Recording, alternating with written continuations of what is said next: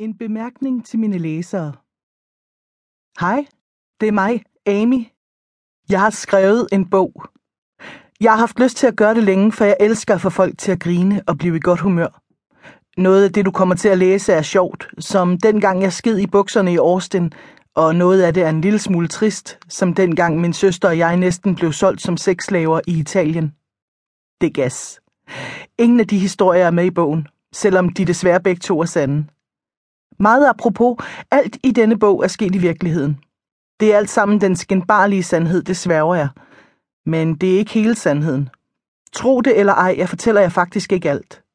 Denne bog er ikke nogen selvbiografi. Sådan en skriver jeg, når jeg er 90. Jeg er lige blevet 35, så det var længe, før jeg kan tillade mig at skrive mine erindringer. Men jeg har lyst til at dele disse historier fra mit liv som datter, søster, ven, komiker, skuespiller, kæreste, indgangsknald, ansat, chef, elsker, kriger, hater, pastaspiser og vindrikker. Jeg vil også gerne understrege, at denne bog ikke er nogen selvhjælpsbog. I løbet af de sidste par år er jeg blevet bedt om at skrive artikler om forskellige emner. For eksempel om, hvordan man finder en mand slash kæreste, eller hvordan man holder på en mand, eller præcis hvornår man skal massere mandens mellemkød. Jeg ved ikke, hvordan man gør nogle af de ting. Jeg er en kejle med en million fejl. Jeg har ikke regnet alt ud endnu, så jeg har ingen guldkorn at dele ud af. Til gengæld kan jeg fortælle om alle de ting, jeg har fucket op. Om det, der gør ondt, og det, der er sjovt. Jeg ved, hvad der er vigtigt for mig, nemlig min familie. Ikke dem alle sammen, Gud bedre det. Kun nogle af dem. Og at kunne grine og nyde livet sammen med mine venner. Og så selvfølgelig få en orgasme en gang imellem. En om dagen er passende, synes jeg. Nå, jeg håber, at I kan lide bogen, og hvis I ikke kan, så vær søde og lad være med at sige det til nogen. Ønsk mig held og lykke.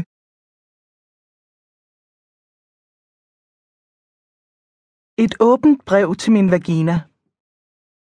Først og fremmest, undskyld. Derudover, det var så lidt. Jeg ved godt, at jeg har udsat dig for meget. Jeg har fået fremmede mennesker til at hælde varm voks ned over dig for at trække dine hår ud. Nogle af de fremmede har brændt dig, selvom jeg havde sagt til dem, at du har meget følsom hud. Det er mit ansvar og min skyld, for det var mig, der gik ind på det suspekte sted i Astoria i Queens, som du mente måske var et sted, der hvidvaskede narkopenge.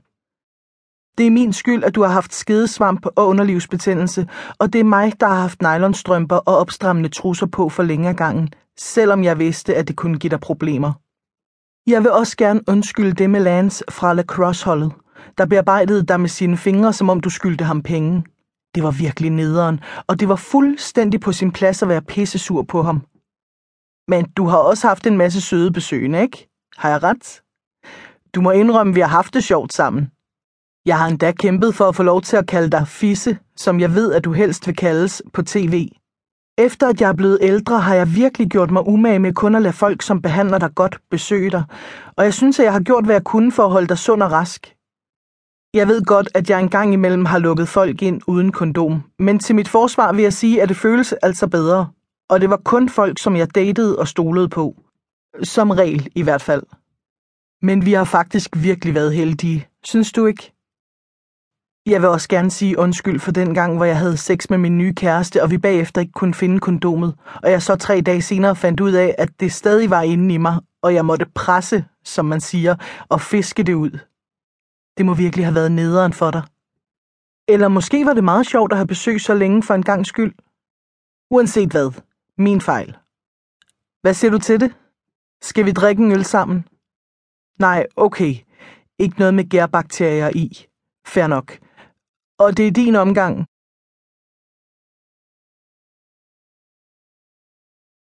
Mit eneste engangsknald.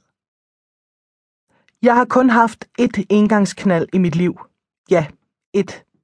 Jeg er ked af at måtte skuffe dem, der måske tror, at jeg konstant går rundt med en margarita i den ene hånd og en dildo i den anden.